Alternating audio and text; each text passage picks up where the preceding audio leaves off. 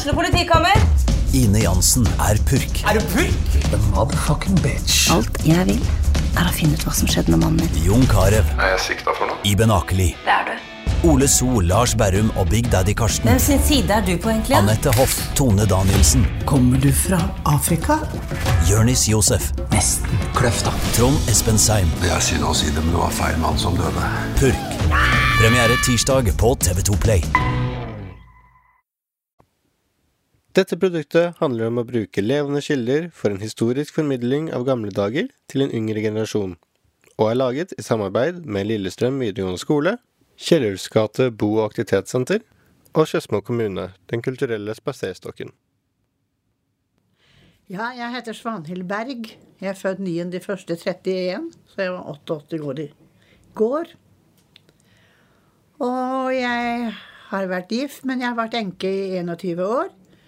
Så har jeg to sønner. Eller jeg hadde, for den eldste døde for fire måneder siden. Og de var barnløse. Men så har jeg en yngre sønn med to sønner. Så jeg har to kjekke barnebarn. Og jeg er født i Trøndelag.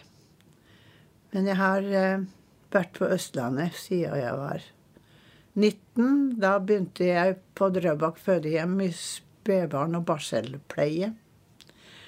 Og siden har jeg jobba på sykehjem og fødehjem, så klart. Og så har jeg jobba de siste 35 åra av mitt yrke, så jobba jeg i Kjeller, eller i Kjeller barnehage. Så nå har jeg vært pensjonist i 23 år. Jeg vokste opp på landsbygda. Hadde en bestefar og en onkel som bodde ved siden av oss. Men, og de var begge enkemenn, så det var i grunnen ikke så store familien der heller. Ja, vi var jo mange unger som vokste opp. Men vi tegna papirdokker i den tida, og, og klær og med papir som vi kunne ordne. Og så tror jeg foreldra var mye mer sammen med ungene. Vi slo ball, og vi kasta skottil, som vi kalte. Og sånn med to sårfrost og steiner og sånn som vi skulle få med. Slo ball, og vi hoppa paradis. Og hadde de noen små skillinger, så tror jeg gutta kasta på stikket allerede da. Så ja, og så hadde vi jo Namsen ved siden av oss, vi fiska jo en del. Det var vi, det var vi nesten nødt for under krigen, for det var jo ikke mat å få kjøpt. Så vi fiska, og det går det svære lakser, men det fikk vi jo ikke. Men vi fikk noe som heter ørret og forskjellige sånt noe. Og så plukka vi veldig mye bær. Vi solgte bær til og med. Og så jeg, jeg plukka bær som sjuåring, så jeg fikk kjøpt med regnfrakk, og det var jo stor, stor stas. Så eh, og så var, hadde bestefar hadde et småbruk, så han hadde noen kyr og greier. Så han hadde jo he- hei, så vi, var jo med oss og tråkka hei når de skulle kjøre inn. Vi var med og hersa og greier. Så jeg tror vi, jeg tror vi, had- jeg tror vi var mer sorgløse på en måte. For vi var ikke misunnelige, og du hadde ikke noe krav om noe moter og alt det der, det der som er veldig viktig i dag. Vi hadde et samhold som jeg ikke tror fins i dag. Det der med ertinger mellom unger, og noen har finere klær, og det, det var ikke noe problem når du ikke hadde noe. Så man slapp nok unna veldig mye der. Vi gikk i det vi hadde, ferdig med det. det var ikke noen diskusjoner hva du skulle ha på deg heller, forresten, når du skulle på skolen. Det var en familie som hadde fem unger, og det var jo stor stas. For der var det mange, og der kunne du være og spille kort. Vi, da, vi lærte å danse tidlig, tror jeg. For når det var gammel dansemusikk på radioen, så, var det full fart. vi hadde jo ikke noe Onkel hadde grammofon, så han, der fikk vi, og den fikk jeg når han kjøpte ny. Så fikk jeg en tutgrammofon hos. Men jeg skjønte jo ikke verdien av den, så den gikk jo fløyten. Jeg fikk den til å gå langs sengekanten, men plata svei var rundt. ja, fiksa den. Ja, jeg heter Fridtjof Angermo, Andreas Angermo. Jeg er født i 1928, 19. mai, og nettopp fylt 90 år. Og eh, jeg er født i byen Mosjøen, som ligger midt i Norge, på Helgeland. Jeg ble den eldste av tre gutter og ei jente. Tyskerne kom da 1940. 9. april kom de til Norge. Men det tok to måneder før de kom til Nord-Norge. Og eh, vi var evakuert. Vi måtte evakuere i byen Mosjøen. Og da tok militæret leiligheten vår. Så vi hadde ikke noe å flytte tilbake til. Vi måtte flytte på gården Angemo, som ligger tre mil nord for Mosjøen. Og der hadde de poståpneri, og de hadde telefonstasjon og telegraf og butikk. Så det var liksom et sentralt sted i bygda. De plasserte en høyere militær oppe på gården som skulle være ja, koordinator. Og han skulle passe på telefon og vente på en spesiell beskjed. Den kom aldri. Og et artig tilfelle. Han ble veldig irritert og sa faen, faen, liksom. 24 år etter den episoden så ble vi kollegaer i veikontoret i Akershus. Så var den rar. Så ringte de fra de forskjellige telefonstasjonene. De var fordelt på enkelte gårder. Og så holdt de folkene på gårdene nedenfor de holdt styr når tyskerne kom. Det var tre motorsyklister med sidevogn og hjelm og maskinpistol, mitraljøse, plassert foran på sidevogna. Og de kom kjørende da vi hørte det. Og da en, mil, nei, en kilometer eller noe sånt før gården Angemo, så hørte vi maskingeværssalver. Da hadde de oppdaget en uh, kjeller som var under bygging. Det tok de for å være en bunkers og sendte noen salver dit. da. Så da fikk vi høre begynnelsen på, på krigen. da. Og så kom de da, og da vi evakuerte Vi bodde på den ene siden, og så måtte vi evakuere på den andre siden. da. Så vi hørte dette, da, og så kommer motorsyklene dugende. Det var så dårlige veier at de kjørte på lager og rus og kjørte i sikksakk for å komme frem. Det var teleløsning og ordentlig, ordentlig dårlige veier. Og uh, vi, tyskerne skreik og bråkte, og det var første gang jeg hørte tysk skriking. Og det har jeg hørt mye av siden. Jeg har vært amatørhistoriker fra guttedagene. Noe som er vel etter min far. Han var opptatt av bygdekultur, og jeg har vært med på mange farter på forskjellige gårder på Helgeland. Jeg er født i Mosjøen i 1928. Og far var den første som hadde bil i Nord-Norge. I 1915 fikk W1 stor stas til å kjøre med den. Så det har jeg mine første kjøreferdigheter. Far, hadde parkert i gate, og den endte ut i elv. Og jeg var gått inn på et kontor, og der satt jeg alene i varmen. Og da hadde jeg sett og han trykket på selvstarteren som var i gulvet. Og det prøvde jeg, og da kjørte den. Og stoppet den kom ut i vannet, så stoppet bilen Og den som var sint når de oppdaget dette, det var far. Men enda en del folk var ordentlig sinte da. For de så på bilen som en vederstyggelighet. Og den kom da til og med at barn kunne kjøre dette. Det, det var utenkelig. Så det hadde vært sverre avisartikler i lokalavisen hjemme, men det har jeg aldri klart å få tak i da. Så jeg har bil i blodet. Og vi hadde vel radio som vi hadde akklamator og batteri til.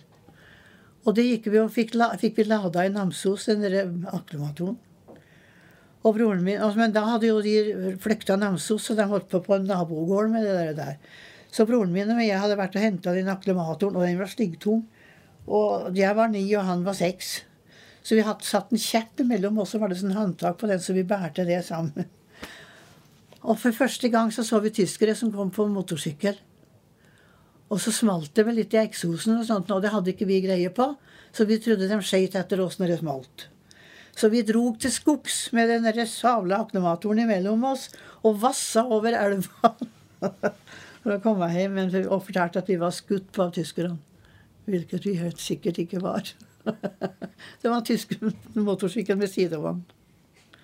Ja, ja jeg, jeg, var jo ni år da krigen starta, så den har jeg jo absolutt i minne. Og jeg ble konfirmert fredssøndagen 13. mai i 45. Spesiell dag, for presten holdt da ikke noen konfirmasjon for oss, egentlig. Han holdt fredsgudstjenesten i kirka, hvor mannskoret sang 'Norge mitt Norge' ifra kalderiet, som jeg har sagt. Og jeg tror ikke et øye var tørt når det skjedde. Så, og det var fattigdom. Norge var fattig den tida der. Så der var det ikke noe luksus. Det skal gudene vite. Men eh, det var i grunnen ingen som hadde mer, så du gikk ikke rundt og var misunnelig på noen. For hun var gjemt fattig, alle sammen. Og ikke fikk du kjøpt stort under krigen. Du fikk jo ikke kjøpt klær og, ikke, og lite mat. Så vi lærte oss å spise det vi fikk. Det var ikke noe ønskeliste du hadde der. Det var hva du kunne rote sammen til mat, tror jeg. Rett og slett. Ikke var det gjær å få kjøpt, så, så brødet de bakte, prøvde de med surdeig, og det var flatt omtrent som i pannekake. Og, og så gikk vi på skolen annenhver dag de første tre åra. Og hadde en skolevei på tre, over tre kilometer hver vei, som vi måtte gå, selvsagt. Og i Namdalen kan det være sprengkaldt om vinteren, så vi var vel innhulla i filler omtrent når vi vandra av gårde. Det kunne være 40 kuldegrader, så det var ikke bare spøk. Så. Og så skrev vi mye stil. Jeg kan huske du måtte skrive om en, en, en telefonstolpe forteller om sitt liv, og vi hadde om en tihøring. Sånne ja, ting som, som Vi hadde jo veldig liten utdannelse, og vi var veldig innestengt, for under krigen fikk du jo ikke lov å reise. Hvis det ikke var noe spesielt, for de måtte jo søke om å komme ut av grenda De. Og vi lærte oss å holde kjeft. Vi visste jo for eksempel, Jeg visste at bestefar og far hadde radio under fjøsgulvet hos en bestefar. Men det, det var, vi, vi, nevnte det jo ikke for et menneske, for vi visste jo at det var det samme som døden og noe sånt. Så det, og vi begynte faktisk med skoletannlege i den tiden.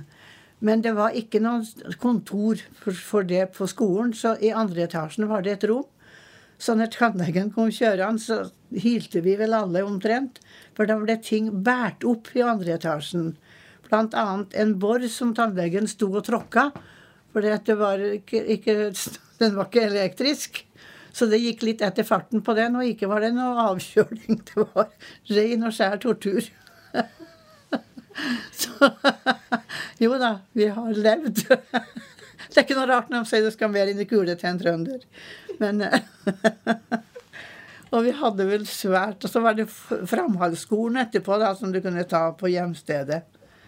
Så, og så var det som vanlig, vi jenter vi måtte gå på husmorskolen. Utenom det var det jo helt ubrukelig. Så det var det jeg hadde før jeg begynte i barnepleien. Det var jo ingen som ringte, for vi hadde jo ikke ringeklokker i bygda der. Og vi gikk jo inn til de voksne. Om ikke de ungene du var sammen med, var hjemme, så spilte det ingen rolle. Det var ikke noe dør å ringe på, det var å kakke på døra og så gå inn. Der de voksne var. Og de prata jo med oss som, som vanlige mennesker. Det, var ikke noe sånn spesiell barneprat. Så sånn var det veldig enkelt. Du kunne gå inn hvor, du, hvor som helst. Og ja, det var helt naturlig. Kom og gikk. Og vi lå hos hverandre da, og sånn som sikkert noen gjør nå, ligger over. Du vet hva vi prata om da. Skjønner det ikke, men det er det samme. Det var sikkert viktig da. Ja. Mange hadde halm i sengene. Sengehalm. Lopper i. vi var I 1939 så leste vi jo i avisen og hørte radio om krigen. Og det var i Finland. Og Finland ble angrepet av Russland og finner utviste heltemodighet og kjempet som bare det. Men måtte gis seg over av som var så mangefoldige og hadde moderne hær. Men vi lærte da litt av krigens redsler, for etter hvert så kom det finske flyktninger fra Finland, naturlig nok. Og eh, ble spredt rundt på gårder og i private boliger, de som ville kunne ta imot. Og de var bare fra lands, i gåsøyne, bare fra landsbygda og ikke var språkmektig. De kunne ikke et ord svensk eller noen ting. Så det var veldig rart å oppleve folk som bare gikk i gatene og var helt uten kontakt med omgivelsene da. De ble innkvartert bl.a. på bedehuset. Og da gikk vi nysgjerrige gutter og, og gikk der. Så kom det en eldre mann som gikk og krøkte seg nedover gata og så 'Bishop, Bishop'. Jeg har lært meg ordet etterpå. Det betyr dass. Han skulle på do. Og vi visste jo ikke hva dette var da.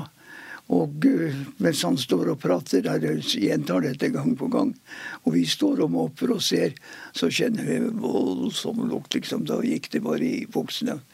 Og så måtte vi gå inn og si til ei dame som Det var én dame i byen etter sigende som kunne finsk, hvis hun var finsk. Som var tolv og fikk tolket han inn og, og fikk badet han.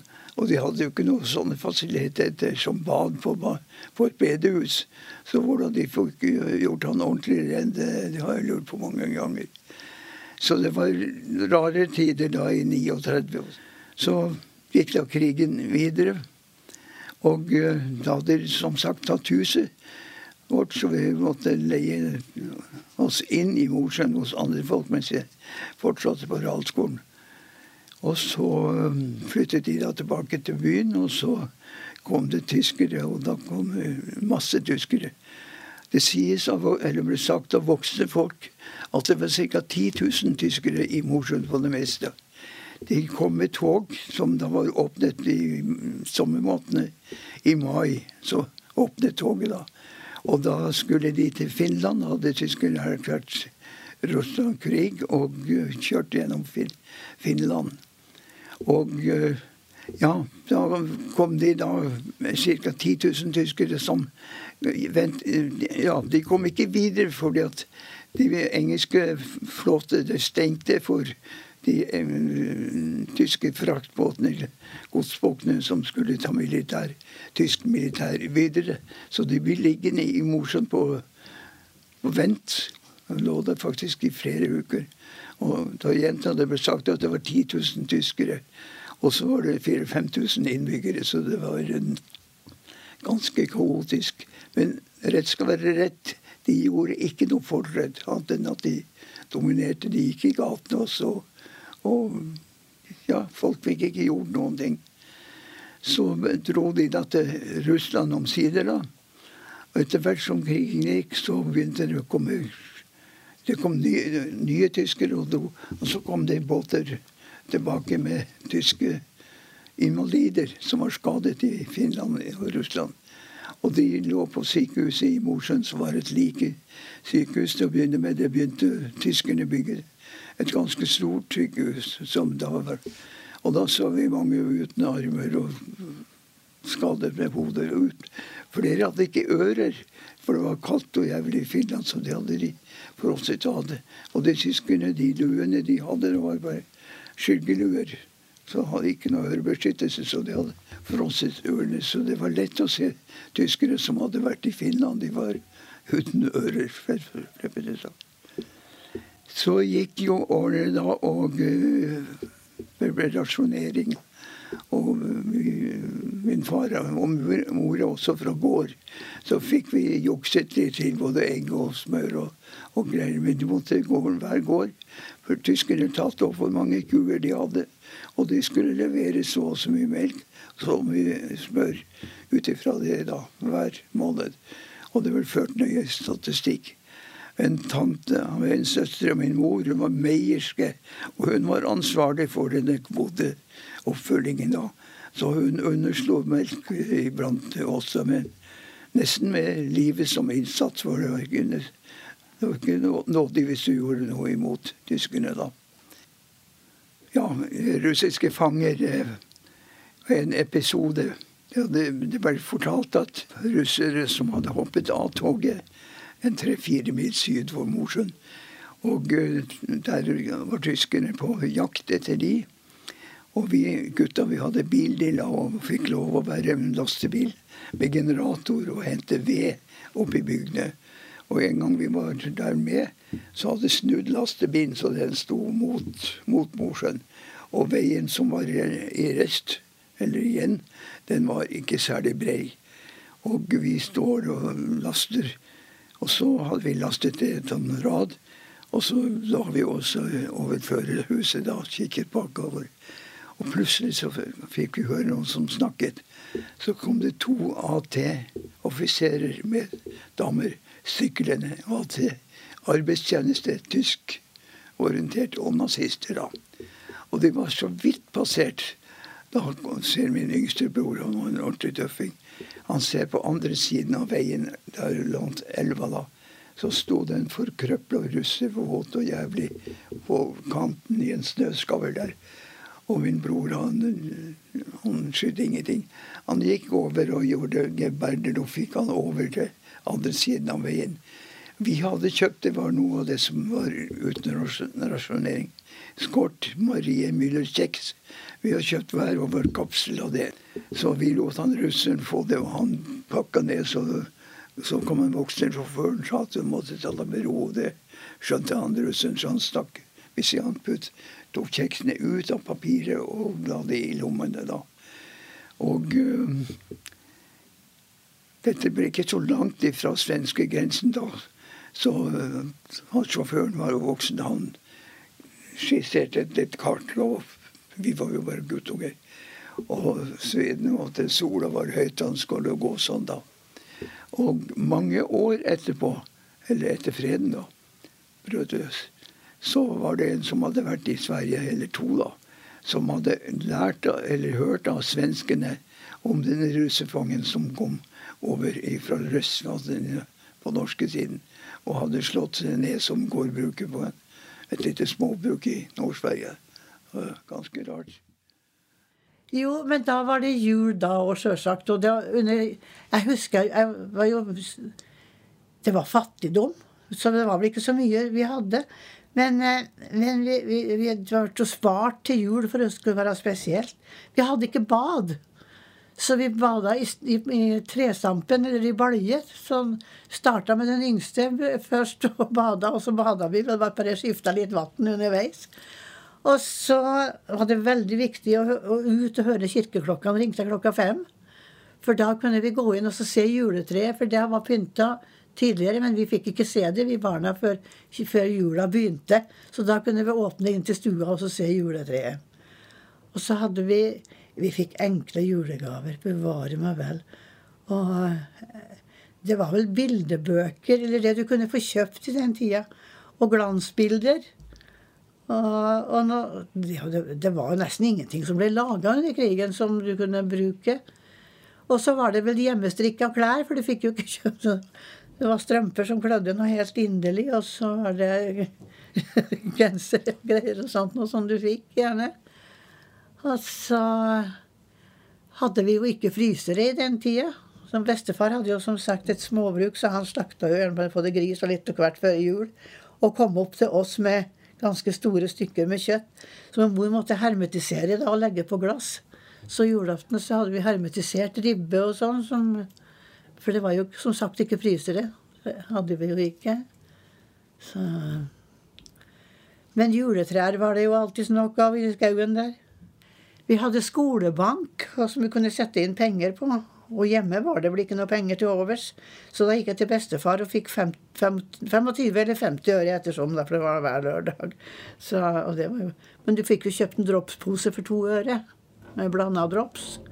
Så Det var i anna tid. Jeg tror det er veldig vanskelig å forstå det. Namsos, eller nærmeste byen som jeg kom fra, da, den ble jo bomba helt ned i, i 1940 av tyskerne. For der lå det både engelsk og fransk flåte. Og når de måtte rømme Namsos, da, så gikk de over til Sverige. Forbi der jeg bor, da, så hele veien over så gikk de. Og jeg kan huske at de franske soldatene de hadde en kam på hjelmen, mens de engelske ikke hadde det. Og rart nok, kan du si, mange år etterpå, eller bare for en 20-25 år siden, så møtte vi en av de, en engelsk soldat, som hadde gått forbi der i dag, for han hadde vært i Namsos en gang under krigen, og det var den eneste gangen. Eller, og så sa jeg, vet du, da satt jeg på låvebroa hos min bestefar og så at dere gikk forbi. Da var jeg ni år. Et ganske pussig treff etter så mange år. Men uh, jeg vokste jo opp under krigen, som sagt, og det var tysker, tysk brakkeleir som vi måtte passere når vi gikk på skolen. Og det var jo mange russere som rømte. Og huset vårt lå ganske ensomt til inne i skogkanten, og da var det jo bare skog og fjell over til Sverige. Så det var mange ganger det kunne komme russerfanger på kvelden som var rømt, og som ville ha både klær og mat. Og da måtte vi to største rase rundt hos naboer for å høre om vi fikk det ene og det andre, for vi har vel ikke så mye å gi bort.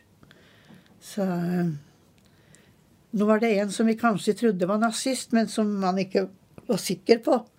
Så jeg vet ikke hva han hadde blitt hvis det hadde gått andre veien. Nei, så Men vi hadde jul, vi feira jul, og det var veldig, veldig stas den gangen. Og bare at da kunne vi ikke gå ut første juledag. Den var man ikke ute og rekte på veiene. Da var man hjemme. Eller hos nærmeste, hos bestefar og spiste middag, kanskje. Som var like ved siden av. Så det, det, var, det var, nok annerledes. Men vi gleda oss til jul da også. Så hadde vi jo fantastisk skifør. Nå var vi så heldige at vi hadde bestefar og så bare oss to barnebarn. Så han kjøpte både spark og ski og sånne ting til oss. Men vi lærte jo å bomme hos tyskerne da vi begynte med det. Og så, og så bomma vi tobakk, f.eks., og så til foreldrene våre. Og så bomma vi hvis de hadde middag. Så den tida så spiste vi. Og så fikk vi med oss matrester hjem. Noen kan få kokkelasje i slags blekkspann som vi fikk med oss med mat. Så eh, da var de jo helt greie. og vi var i hvert fall ikke redde. Og så, hadde, så hadde vi, tysker, hadde vi brakkeleiren med tyskere, og så hadde de piggtråd, piggtråd, så gikk det russerfanger. Og når vi spurte de tyskerne vi liksom kjente, da, for de gikk jo vakt, de gikk jo hele tida vakt med gevær på ryggen frem og tilbake. Og hvis vi da hadde noe mat hjemme, noe brød sånn som var flott, men det var mat, som vi hadde fått med oss for å kaste over gjerdet til russerne hvis, hvis, vi kunne. Og da kunne vi spørre, hvis det var en tysker som vi kjente, som vi spiste inne hos oss, sånn, om vi kunne få gi russeren mat. Og da sa han vent til jeg snur ryggen til og går den veien. Så da når de hadde snudd, så kunne du hive det over gjerdet. Så det, det, det, De var vel ikke like jæklige alle. Sikkert ikke. Eller de var ikke det. De var ikke det. Og, de, og tyskerne, eller russerne de hadde jo ikke De hadde tresko og barbeint inni i 40 kuldegrader. Så de hadde noen papirsekker og sånn som de hadde surra rundt beina. Det var fælt, altså. Men den dagen, første 17. mai i 45, så sykla vi til Namsos, for da var jo leirene til russerne åpna. Da var jo ikke tyskerne Freden hadde jo kommet før det var 13. Og så 17. Så folk i Namsos hadde jo kledd opp fangene. Så jeg husker én russerfange, en gutt sjølsagt. Han hadde fått den, Var det noe som het for rumbabukser? Yes, de var litt vide nedi, og så var det et anker på dem nedi, og så var det en genser med hvit genser med anker. Han hadde sånne dameklær på seg. Og de hadde jo laga seg veldig mye instrumenter og sånn. Så da satt russerne og spilte og sang i fangeleirene. Så det var vi med på. Ja, det, var, det, var, liksom den første gangen du kunne slippe deg løs og være med på noe. Men nå var vi jo bare 14 år, så det var jo ikke så mye vi hadde mista. For første gangen jeg reiste et stykke Det var 28 mil til Trondheim. Så jeg var med kusina mi dit på, på, et sykehus der, for hun hadde hatt noen greier i huet. Så det var første gangen jeg reiste så langt og kom til Trondheim og så trikk og sånne ting. Det hadde jeg jo ikke sett før jeg var 15 år, tenker jeg. Nei. Og første gangen jeg reiste utenlands, det var vel da vi reiste til England. Første gangen og fant han sønnen der borte. Og det var en opplevelse uten like, for så vidt. Første gang jeg så som arabere eller noe sånne med sånne menn med kjoler eller greier, det var når jeg var i England da, og det var vel for 40 år siden. Nei, et par-tre og 40 år siden. Så vi hadde ikke sett så mye her i landet. Den hadde ikke kommet hit ennå. Så var det jo masse jenter i byen. Og det var jo ikke tyske mannfolk eller ungdommer igjen. Så det var veldig lett å finne jenter da. Så jeg traff en jente da som studerte til arkitekt. Hun var av finere slag. Jeg så det fine huset de bodde i da. Og møtte henne et par, tre, par, par ganger, tre ganger kanskje. Og hun korrigerte meg og lærte meg bedre tysk. Jeg hadde lært tysk. Vi ble jo, Mosjøen ble et kvartal som lå vegg i vegg med huset vi bodde i. Bygget opp med garasjer med ambulansebiler og masse tyskere som bodde der. Og det var en del leger og i hvert fall ambulansefolk som var litt skolert. Og så Vi måtte gå forbi det her for å komme hjem. Så vi falt, snakket med tyskerne da. Og de var veldig hivne på å snakke med nordmenn og litt sånt. Og vi var jo interessert, i hvert fall jeg, å lære tysk. Så vi fikk mange korreksjoner av, av tyskere og fikk ros for at vi snakket brukbart da. Så det kom godt med senere da komme i Tysklandsbrigaden. Så gikk jeg på yrkesskole i Trondheim og uh, var ferdig med den. Så begynte det å nærme seg at jeg skulle i militæret. Så jeg søkte om å komme i Tysklandsbrigaden. Og likedan søkte om å komme i panservåpenet, de som drev med tanks. Hadde dilla med det. Og det fikk jeg. Kom på, men jeg jobbet noen måneder mellom det på verksted og fikk litt verkstedpraksis. Og jeg husker en episode. Da var det kommet brennevin på polet igjen. Og tror ikke de fikk kjøpt så mange brennevin, men det visste det russefangeren. Han kom en gang da Yngvar slitt og, og drakk. Og jeg skjønte at det var det han tenkte, så jeg, jeg var med guttungen, så jeg fikk ikke kjøpt brennevin. Så jeg måtte de voksne på, på, på, verkstedet til å kjøpe den brennevinsflaska. Og den pakka jeg inn i noen strie sekker igjen. Og så, når han russen fikk den Han, han hadde ikke penger eller noen ting, og ikke skulle jeg ha det. da. Han hadde ristet på, på den sekken, pakken da, og hørte det klunka. Det blikket glemmer jeg aldri. 5000 mann i året var der nede. Og jeg kom på et militært, norsk militært verksted som tidligere var delt av tyskere. Så det var en 18-20 tyskere som fortsatt var der og var ansatt av engelskmennene. Og de engelskmennene de var noen blaserte typer, og de hadde vunnet krigen. Så liksom små nordmenn, det, det respekterte de ikke til å begynne med. Men de fikk etter hvert respekt for nordmennene. De gikk på både slåsskamp og kafeer og restauranter. Og, og mange fedre så engelskmenn lærte seg, seg å gå stilt i dalene da. Men mange nordmenn oppførte seg ikke pent heller. Og det var en del finnmarkinger som ble kalt Alta-bataljonen. Det var, Jeg erfarte det ikke, men det ble sagt at det var flere som ikke kunne norsk. Så de måtte ha samiske kommandoord når de dirigerte de sammen. Jeg husker de var nokså små og trippet når de gikk da. Så jeg lærte veldig mye på det verkstedet. Og tyske mekanikere. Eller en som var major der. Han var verkstedleiter. Og han var ordentlig sånn altså, åh, Gikk med nesten forbi meg. Da var hun bare 22 år, 23-24 år. Og så gikk han forbi med demonstrativt i verkstedet. Og det der gjør det ikke en gang til. Så hadde vi en tysk sjøkaptein som satt på kontoret, som var folkelig mann. Sittet i fangenskap i Canada i nesten fire år. Så han hadde sett demokratiet, hvordan det, det virket. Og han var som en kontormann da. Og førte timelister og det hele. Og da jeg kom inn på kontoret da, så sa jeg til han at jeg hadde møtt Storm, het han tyskeren. Han store. At jeg finner meg ikke i dette. Og han skjønte det da. Så jeg ba han å gå og hente han Storm inn det. Og der sto han 24-åringen og refset han som hadde vært tysk major. Og han sto jawohl, jawohl, jawohl. Og så sa jeg at heretter venter jeg at du oppfører deg folkelig. Og det er å hilse på folk og se på folk som er kollegaer. Så kan du ta en uke fri med lønn, og så kan du lese om demokrati. Og det tok han bokstavelig. Men så fikk de av henne av de andre tyskerne, da. At de ville også ha fri for å lære seg demokrati.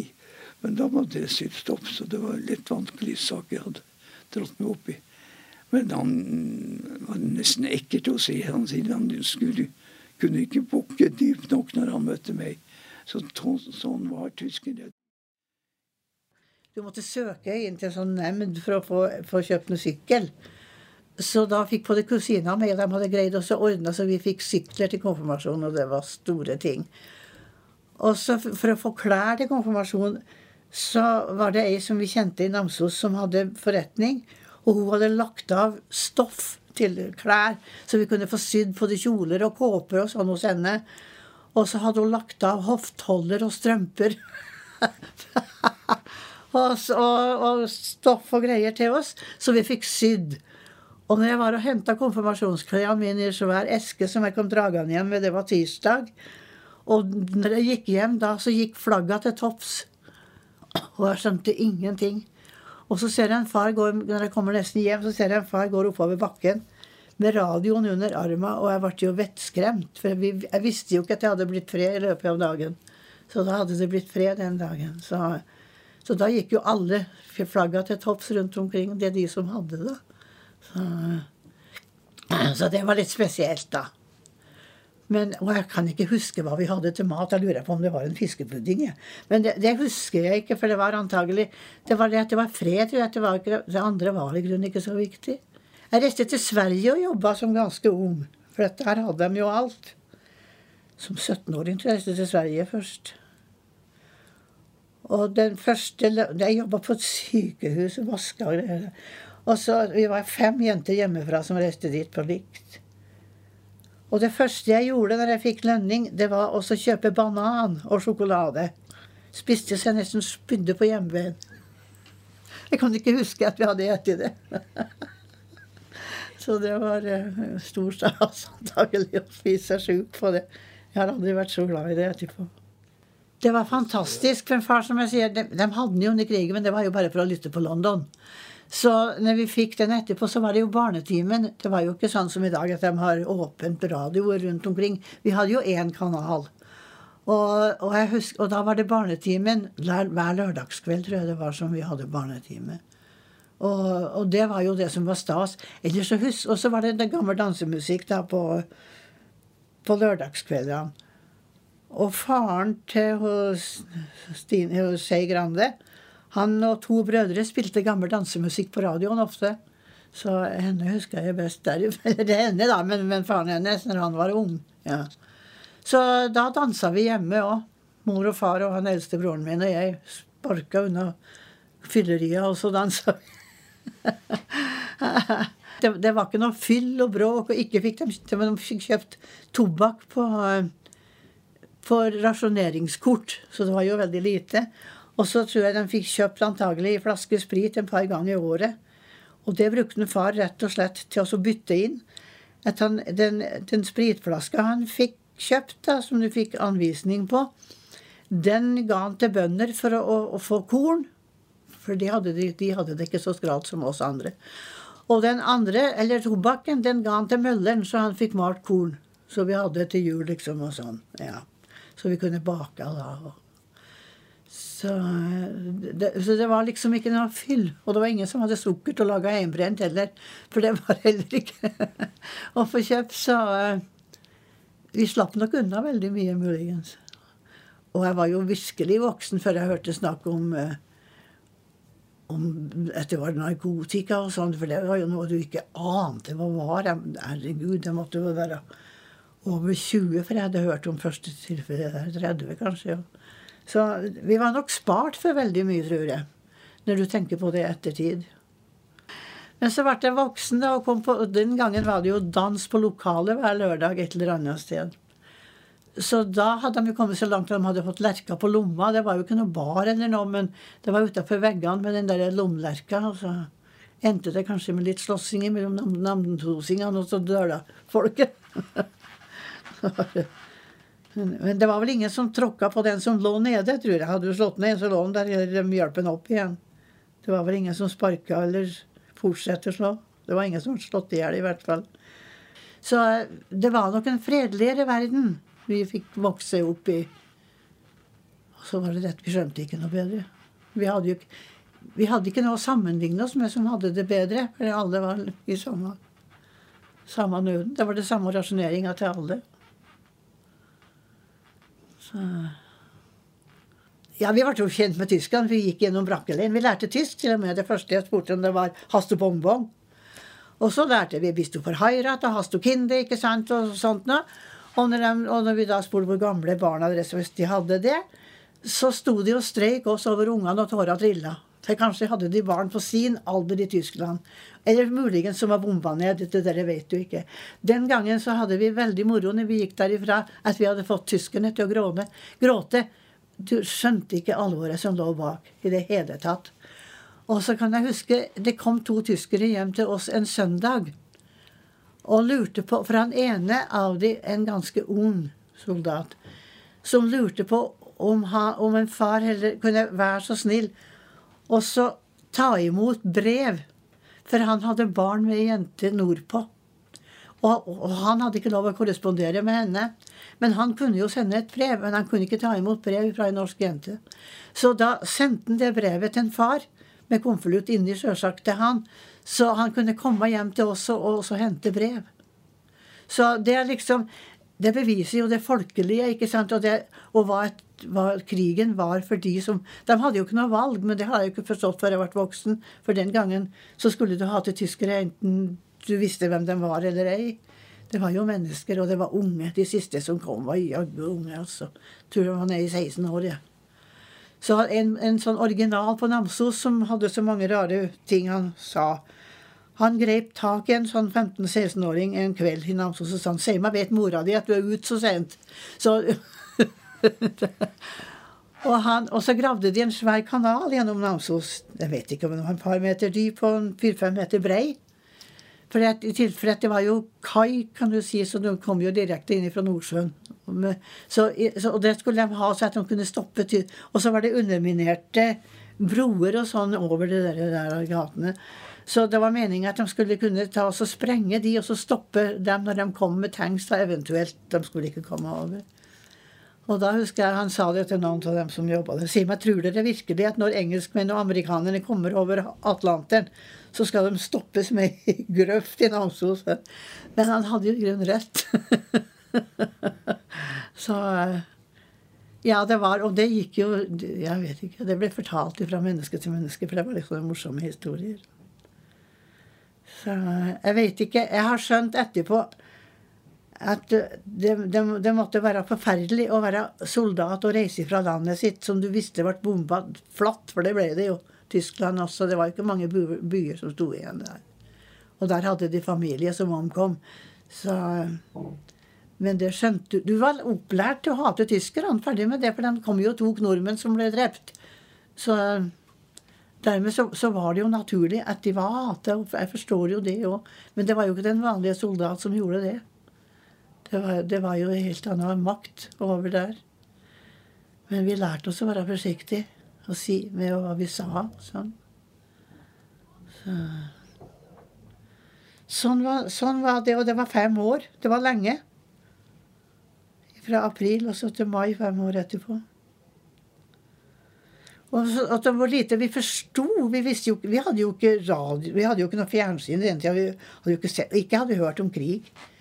Så et, den, når krigen kom, da så var, gikk vi hjem fra skolen. Jeg hadde en fetter på tolv år. Så vi gikk sammen til skolen. Og så hørte vi snakk om bomber, vet du. Og jeg visste ikke hva bombe var, og det gjorde tydelig ikke han heller, men han trodde han gjorde det, for han var jo gutt. Og så, så sier jeg til han hva er bombing? Jo, så sa han det var to fly som var surra sammen med vaier. Og så la dem Og så hadde vi hadde bro ved siden av der som vi bodde, med veldig store sånne steiner på, på hver side. Eller på begge sider av broa. Og så tok de en sånn brostein og surra over de to flya. Og så fløy de av gårde, og, så, og det var bomba, det, da. Og så når de bomba, da, så kutta de vaieren som var imellom flya, og så datt den ned. Det var en tolvårings begrep om bombing. Far jo, skulle ut 18. mobiliseringsdag.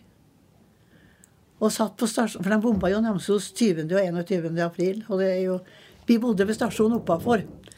Så, og, og, dem, og, vi bodde jo sånn som vi så rett ned på Namsen, så vi så jo flya kom skliende og skulle bombe. For de slo av motoren før de slapp bombene. Så de var ganske stille når de for forbi. Og far satt på stasjonen og venta på tog, for han skulle møte et sted pga. at han mobiliserte ut. Og det kom jo ikke noe tog pga. at han bomba langs jernbanelinja. Og, så han satt jo på stasjonen, og vi visste jo ingenting. Vi trodde jo kanskje han hadde reist. Til vi plutselig ser han kom springende over Namsen. Det var jo snø da den gangen, i april. Is. Så vi så han kom springende og var, fått beskjed om at de kunne dra hjem. For de, da hadde jo krigen kommet lenger. Da hadde det jo blitt 20. april. Så den kom jo ikke oppover til oss før rundt omkring 1. mai. Da først så vi tyskerne kom. Så jo, det var vel ting som hendte som skaka oss opp noe voldsomt. Men, det var, det var at vi hadde jo ikke greie på en døyt. Vi, vi visste jo ingenting om ufred. Eller, nei. Det hadde jo ikke vært det. Den krigen før oss huska vi jo ingenting av. Eller var jo ikke med heller. Den var jo slutt. Første verdenskrig. Mor og far opplevde den vel sikkert. Men de snakka aldri om henne. Så det, jeg vet ikke om det, hvor det foregikk.